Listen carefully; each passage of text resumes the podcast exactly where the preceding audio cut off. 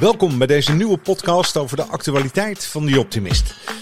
Het tijdschrift dat een positief geluid in de media brengt. Met de achtergronden, inzichten en wat ons is opgevallen in het nieuws. Dit alles in een vrij gesprek met de hoofdredacteur Brian de Mello. Natuurlijk kun je de onderwerpen terugvinden in het laatste nummer van The Optimist. Kijk voor meer informatie op theoptimist.nl. Deze podcast wordt eenmaal per twee weken gemaakt en mijn naam is Erik Hallers. Het is alweer tweede uitzending, de tweede podcast van nummer 207 van The Optimist. Vandaag over wereldverbeteraars, verduurzaming van de woning en precisievisualiteit. Brian, goedemorgen. Goedemorgen Erik. Goedemorgen. hey, dat klinkt opgewekt. Ik uh, stap met goede been uit bed vanmorgen. Ik denk, nou, laat ik het even doorgeven aan jou. Hè? Dankjewel. Wat zou dat toch betekenen trouwens? Goede been uit bed stappen. Dat, Het was vroeger een beetje bijgeloof, hè? Dat uh, je niet met je linkerbeen uit bed moest stappen, volgens mij. Oh, dus, uh, ik heb dat als, als jongetje een tijdje gedaan, dat ik bewust met mijn rechterbeen het eerst door de grond raakte.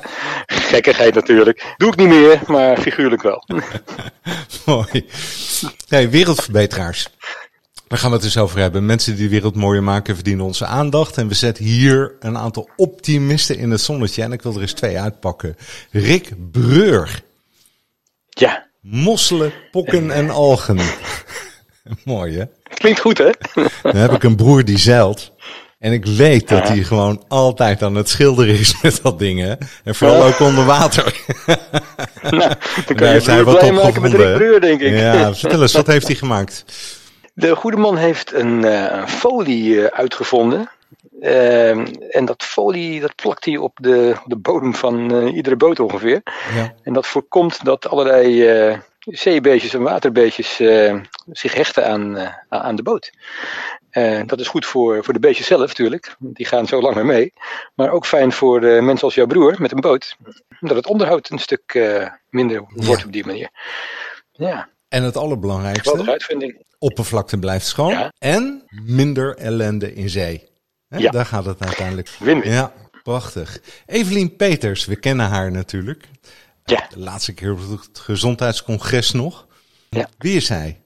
Wie is zij? Evelien Peters is arts, eh, internist eh, in Utrecht en ze is ook endocrinoloog. En wat zij heeft gedaan aan het begin van de coronaperiode is vraagtekens gezet bij, eh, bij de impact van de maatregelen.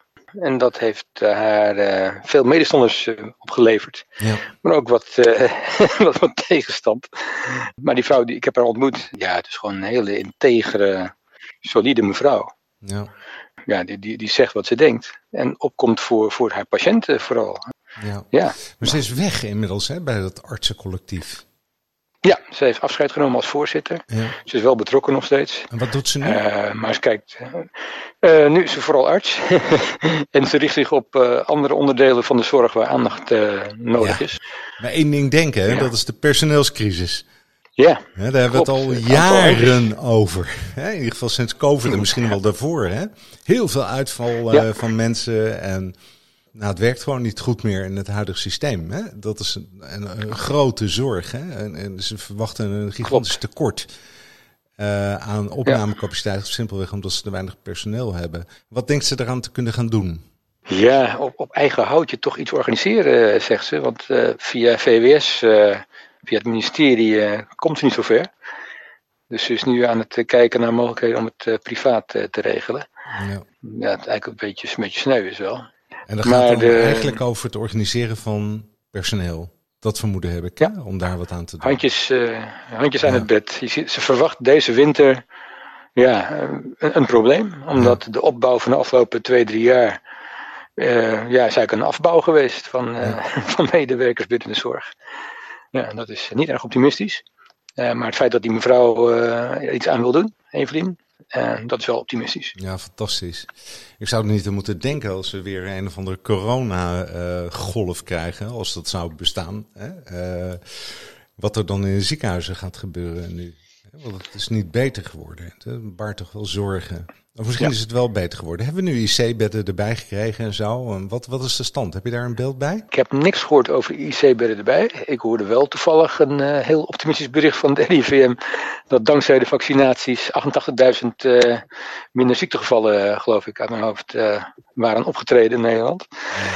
Ja, het is net hoe je het berekent. Maar ja, goed, dat is even. qua capaciteit heb ik verder geen, geen ontwikkelingen gehoord. Mooi zo. Nou, er waren twee mooie voorbeelden van verbeteraars hè, van de wereld. Ja. Um, leuke column trouwens vind ik dat. Of column, het is eigenlijk uh, waar je de mensen in het zonnetje zet. Hè? Dat, uh, in je tijdschrift. Ja, ja, mooi. Een soort galerij van... Uh, galerij van, uh, niet van vergaande glorie, maar uh, toekomstige glorie. ja. Dat is ook, ook zo'n mooi artikel van, daar moest ik om lachen hoor. De verduurzaming van je woning. En waar moet ik dan lachen? Weet je wel, je ziet gewoon, nou. je, je ziet het, het verhaal is zo levendig geschreven dat je, dat je, je krijgt een huis, of je komt in het huis van je grootouders, of die willen, je kunt het kopen, daar gaat het uh, artikel over. En dan, en dan moet je dat gaan verduurzamen. Jeetje, wat een klus hè. En dan zeker als je denkt aan een huis van je, van je grootouders. Ja. een jaar nou. 70 woning was het. Ja. En hij is daarmee aan de gang gegaan. Wie is hij trouwens? Roy, ja, dat is Roy van der Steen, dat is een collega van ons. Ja, die is voornamelijk betrokken uh, voor die, bij die Optimist om onze social media uh, te, te, bestieren. Maar hij kwam zelf met het idee van, joh, wat zouden jullie ervan vinden als ik iets zou schrijven over, uh, over verduurzaming, maar aan de praktische kant. Ja, dus wat, wat ik meemaak, wat ik meemaak bij mijn eigen huis en het huis dat ik ga kopen van mijn opa. Ja, we zeiden van, laat maar doen, dan gaan we schrijven. En dit is een serie, wordt dit van uh, minimaal zes afleveringen. Dus, en dit is ja, deel 1, wat je nu hebt gelezen. Nee, hij is ook zelf aan het werk gegaan. Hè? Hij zoekt het zelf uit. Hij, hij, vertelt waar hij uh, tegenaan loopt, tegen welke problemen, welke dilemma's. hij heeft het over het stukken, verfwerk en verbouwingsplannen. het is een hele leuke uitdaging, vindt hij het. Hè? Maar ook dat, ik zit zelf ook in zo'n traject over een cv-pomp, warmtepomp, hybride pomp, lucht, lucht, lucht, water, airco zonder airco. Nou, je ziet door de bomen het bos niet meer, hè? Als ze al tijd hebben om te komen. Oh, het is herkenbaar. Het is herkenbaar voor jou, vandaar dat je het zo leuk vindt. Ja, daarom vond ik het een, een, een, een, een goed geschreven artikel met uh, toch een serieuze ondertoon. Dat er toch wel een aanzienlijk bedrag te besparen valt. Hè? Inmiddels bespaart hij 40% op het gasverbruik. En uh, ze hopen dat ook binnen 24 maanden die hele verduurzaming uh, terug te verdienen. Ik zeg dat is mooi. Ja. Hey Brian, heb jij ook wat verduurzaamd in je huis?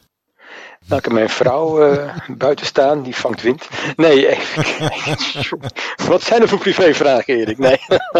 uh, ja, nou, we hebben in ieder geval uh, de, de, thermometer wat lager gezet. in het kader van de verduurzaming van de energierekening. Dat is de wel. eerste winst, of, of korte douche. Ja. Het is... Nou, ik heb twee pubers in huis.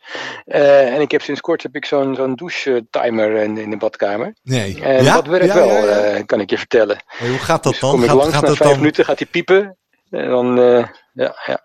Ik heb al gedreigd één keer, ik ga nu het water afsluiten.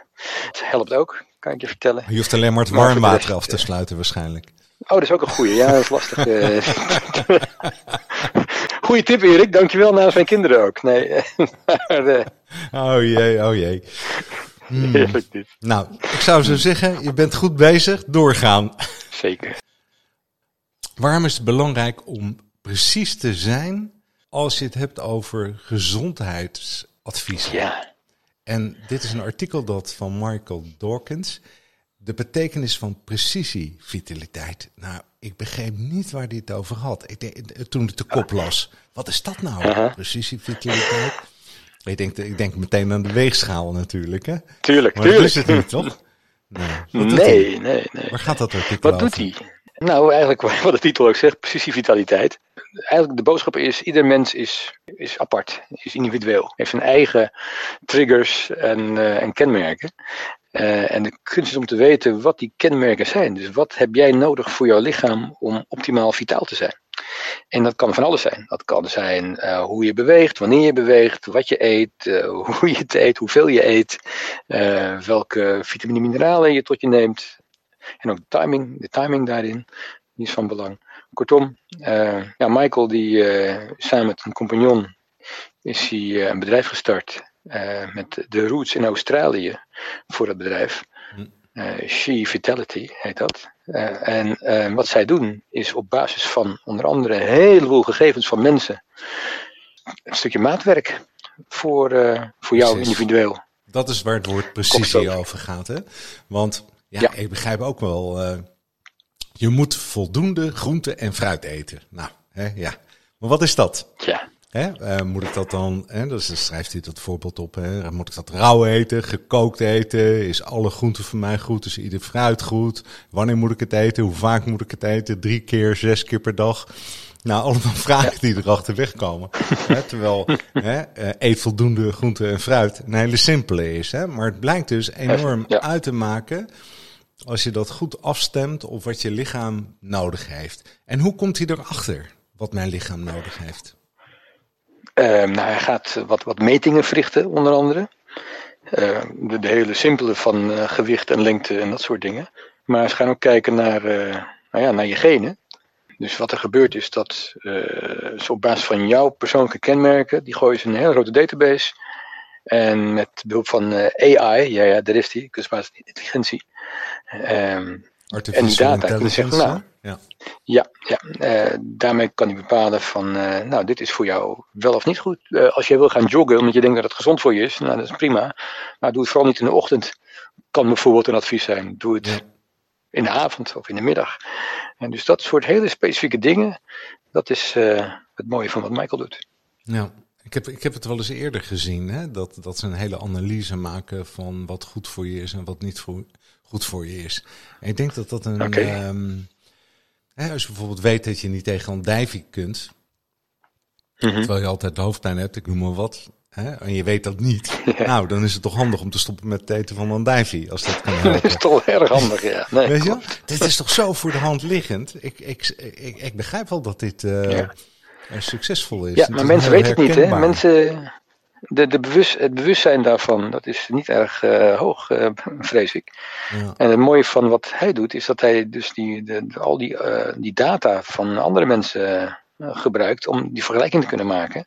Ja. Ja, en dat gecombineerd met wetenschappelijke publicaties, dus met, met de kennis die er is, op allerlei gebied. Nou ja, doe, doe, dat in een potje, roer dat en dan krijg je je persoonlijke profiel. En dat is interessant. Daarmee kun je echt daadwerkelijk iets aan je eigen vitaliteit doen. Uh. En betekent het ook dat hij begint met een, uh, een soort DNA-onderzoek? Of uh, hoe gaat dat in zijn gang? Hij begint met een intake. Uh, dat kan je, je kan het je kan het proberen. Tenminste, ze hebben een aantal webinars op hun website staan. Dan kan je gewoon uh, gratis aan deelnemen. Als je de Optimist-code gebruikt, kortingscode die Optimist. Uh, en daarna, als je dat wilt, nou, kan je dat profiel laten maken. Dat kost even een paar euro's, maar dan heb je ook wat. Zo. ik ga het binnenkort laten doen, dus ja, ik, wel. Ik, ik, ik, haak aan.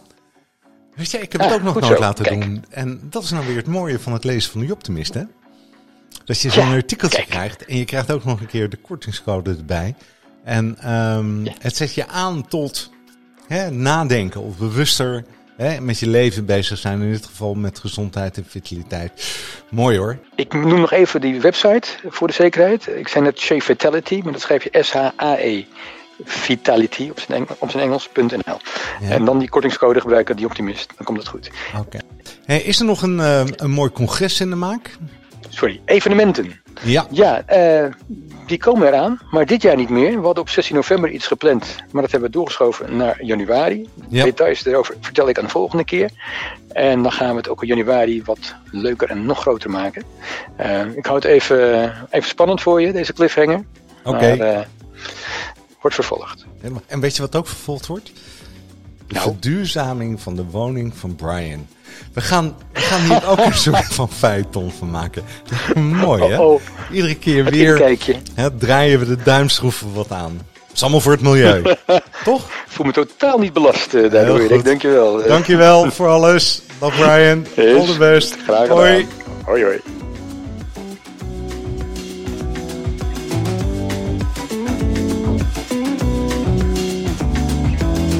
Mooie berichten over wereldverbeteraars, verduurzamingen van de woning. weet je, lekker pakkend en eh, geschreven in een mooie stijl waar je allemaal tegenaan loopt. En eh, het woord Sisi Vitaliteit. eh, wat een hele mooie invulling heeft gekregen. Dus als een haas naar de boekhandel en ehm, tijdschrift kopen, lid worden, zo gaat dat. All the best, andere keer. Dag!